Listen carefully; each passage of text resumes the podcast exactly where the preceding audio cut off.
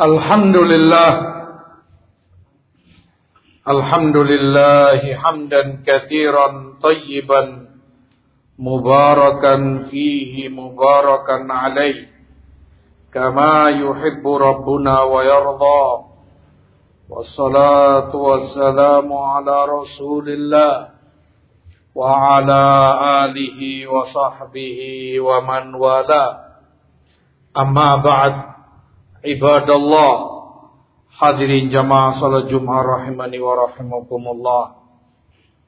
Di dalam hadis Rasulullah sallallahu alaihi wasallam telah menyebutkan buri kali ummati fi bukuriha.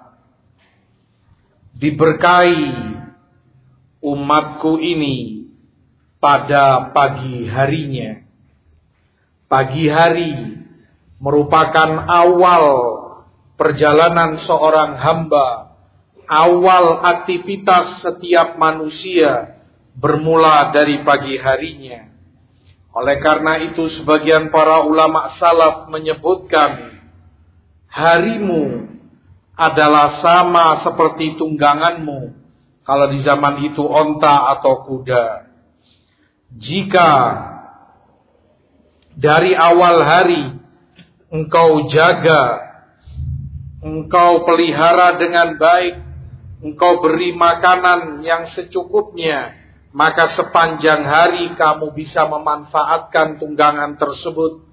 Dia akan kuat dan semangat untuk melaksanakan tugas-tugasnya. Namun, jika di awal hari dia sudah dimanja, dari awal hari dia memulainya dengan malas, maka sepanjang hari pun dia akan malas dan enggan untuk dipekerjakan ini dan itu. Para ulama yang lain menyebutkan jika itu hari dalam waktu yang dijalani oleh setiap hamba, maka dalam kehidupan pun masa muda Masa di mana orang masih semangat-semangatnya adalah sama seperti awal harinya. Jika itu dia gunakan untuk ketaatan kepada Allah, dia makmurkan masa mudanya, banyak ibadah, menuntut ilmu, membenahi akhlak dan ibadahnya, maka di masa tuanya di usia-usia senja dia pun akan menikmatinya, akan mudah baginya untuk menjalankan amalan soleh dan ketaatan yang lainnya. Tidak akan merasa berat. Itulah rahasianya. Terkadang kenapa kita dapati seorang hamba entah karena malas, entah karena alasan sulit, berat, tidak memungkinkan, usia sudah lanjut, umur sudah semakin tua, aku nggak kuat untuk melakukan ini, untuk menjalankan itu. Sebenarnya kalau dia mau mengintrospeksi diri, menengok ke belakang masa mudanya, dia gunakan untuk apa? Bagaimana dia melalui hari demi hari di masa-masa mudanya. Imbas dari itu akan terlihat ketika Anda memasuki masa tua, umur semakin senja. Maka perhatikan usia kita, gunakan sebaik mungkin. Di masa kita masih semangat, di masa kita masih kuat-kuatnya, agar di masa tua kita semakin ringan dan tidak berat untuk melanjutkan ibadah dan ketaatan kepada Allah Subhanahu wa taala. Ibadallah jamaah sekalian rahimani wa rahimakumullah. Demikian pula seorang hamba jika memulai awal harinya dengan kebaikan, dengan ketaatan, maka sepanjang hari dia menjalaninya dengan penuh semangat, dengan penuh kebaikan pula. dari dia membuka mata, bangun di waktu subuh, jika dia bangun, maka ber, terlepaslah satu ikatan syaitan darinya. Dia berwudu, kemudian dia sholat berjamaah di masjid, semakin dia terjaga dari syaitan, semakin lepas ikatan-ikatan syaitan darinya. Pulang dari sholat, dia berzikir. Seusai sholat, dia baca wirid-wirid pagi sebagaimana diajarkan oleh Rasul sallallahu alaihi wasallam dia baca dia baca pula Quranul Karim maka dengan dimulai harinya dengan kebaikan semacam itu sepanjang hari dia dalam kebaikan ringan dia melakukan segala aktivitasnya. Lapang dadanya tenang dan sejahtera jiwanya. Dengan penuh kebahagiaan dia melalui waktu demi waktu dalam harinya. Demikianlah karena dia buka, dia mulai hari itu dengan ibadah dan zikrullahi subhanahu wa ta'ala.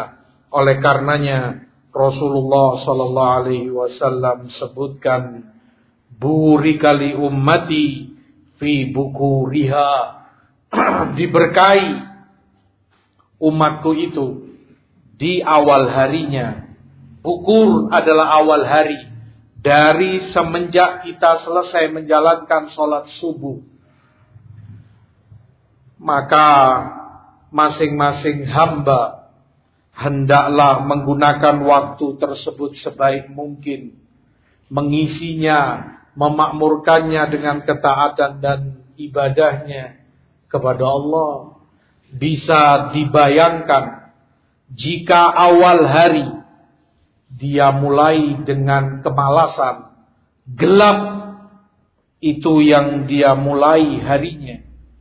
Tidur tidak bangun untuk sholat subuh berjamaah di masjid-masjid kaum muslimin. Bangun pun entah jam berapa, Kemudian dia pun tidak membaca zikir, tidak membaca wirid-wirid pagi yang diajarkan dan dicontohkan Rasulnya Sallallahu Alaihi Wasallam. Dia bangun untuk kemudian mandi, kemudian lari ke kantornya dan tempat kerjanya. Jangan salahkan siapa pun jika Anda menjalani hari dengan berat. Dada Anda terasa sempit Hidup Anda terasa sulit, semuanya dihadapi dengan kesal. Anda hanya mendapati kejengkelan dan kesulitan. Kesalahan ada pada Anda sendiri. Anda mulai hari dengan kemalasan.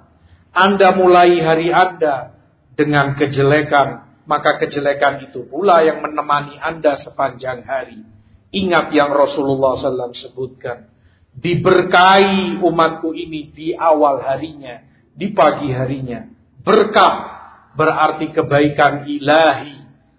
Segala kebaikan yang Allah curahkan, segala barokah dan kebaikan yang Allah berikan kepada hambanya, sehingga waktunya berkah, tenaganya berkah, usahanya berkah, sedikit, sebentar namun menghasilkan banyak manfaat dan keuntungan baginya. Itu jika Allah berkahi pada hambanya. Nas'alullah al-barakah fi ayyamina. Aqulu ma sami'tum wastaghfirullah innahu huwal ghafurur rahim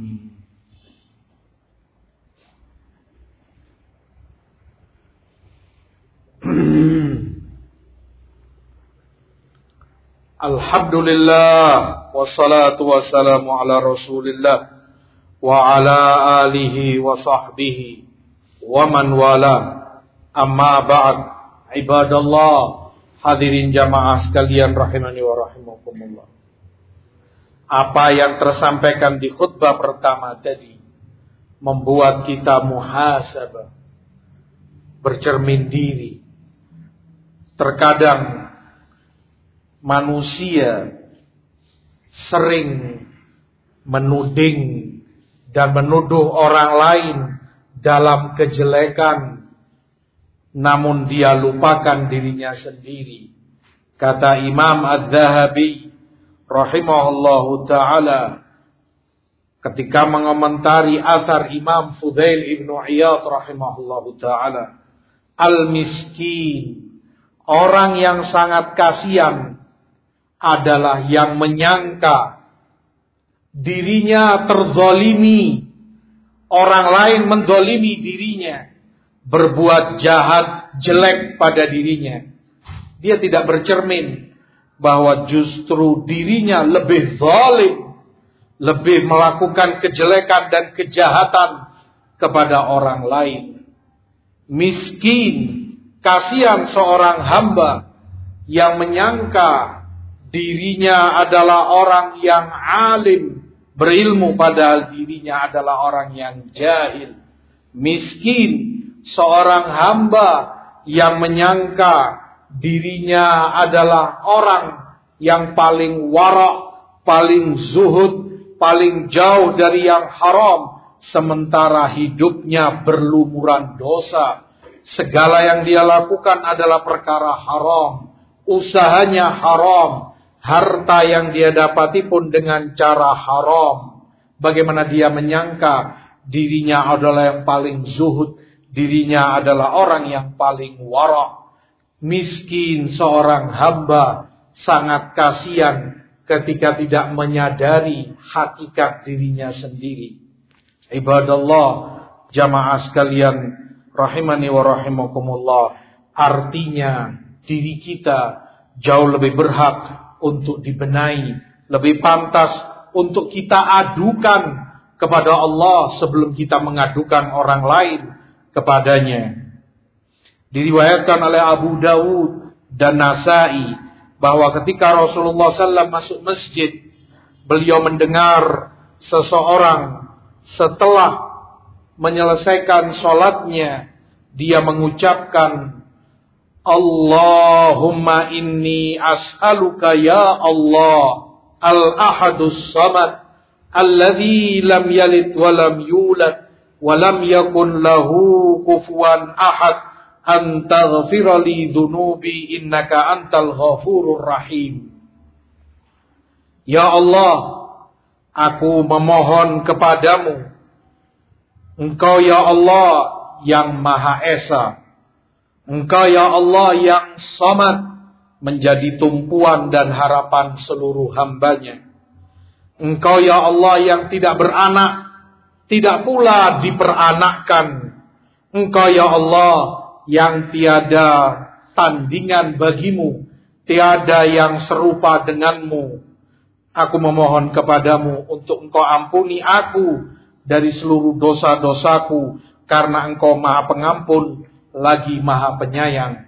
Ketika Rasul dengar hamba ini mengucapkan doa itu, maka Rasul katakan, Qad ghufiralahu, Qad ghufiralahu, Qad ghufiralahu. Sungguh telah diampuni baginya. Sungguh telah diampuni baginya. Sungguh telah diampuni baginya. Doa ini ringkas, simple, mudah dibaca, mudah dihafal, dan jaminannya begitu mulia. Rasul tekankan, Rasul pastikan benar-benar diampuni hamba tersebut dosa-dosanya hingga tiga kali Rasul katakan sungguh telah diampuni, sungguh telah diampuni, sungguh telah diampuni. Allahumma inni as'aluka ya Allah al-ahadus samad alladhi lam yalid wa lam yulad wa lam yakun lahu kufuwan ahad an taghfira li dunubi innaka antal ghafurur rahim. Dan hadis disahihkan oleh Imam Al-Albani rahimahullahu taala ibadallah. Sesungguhnya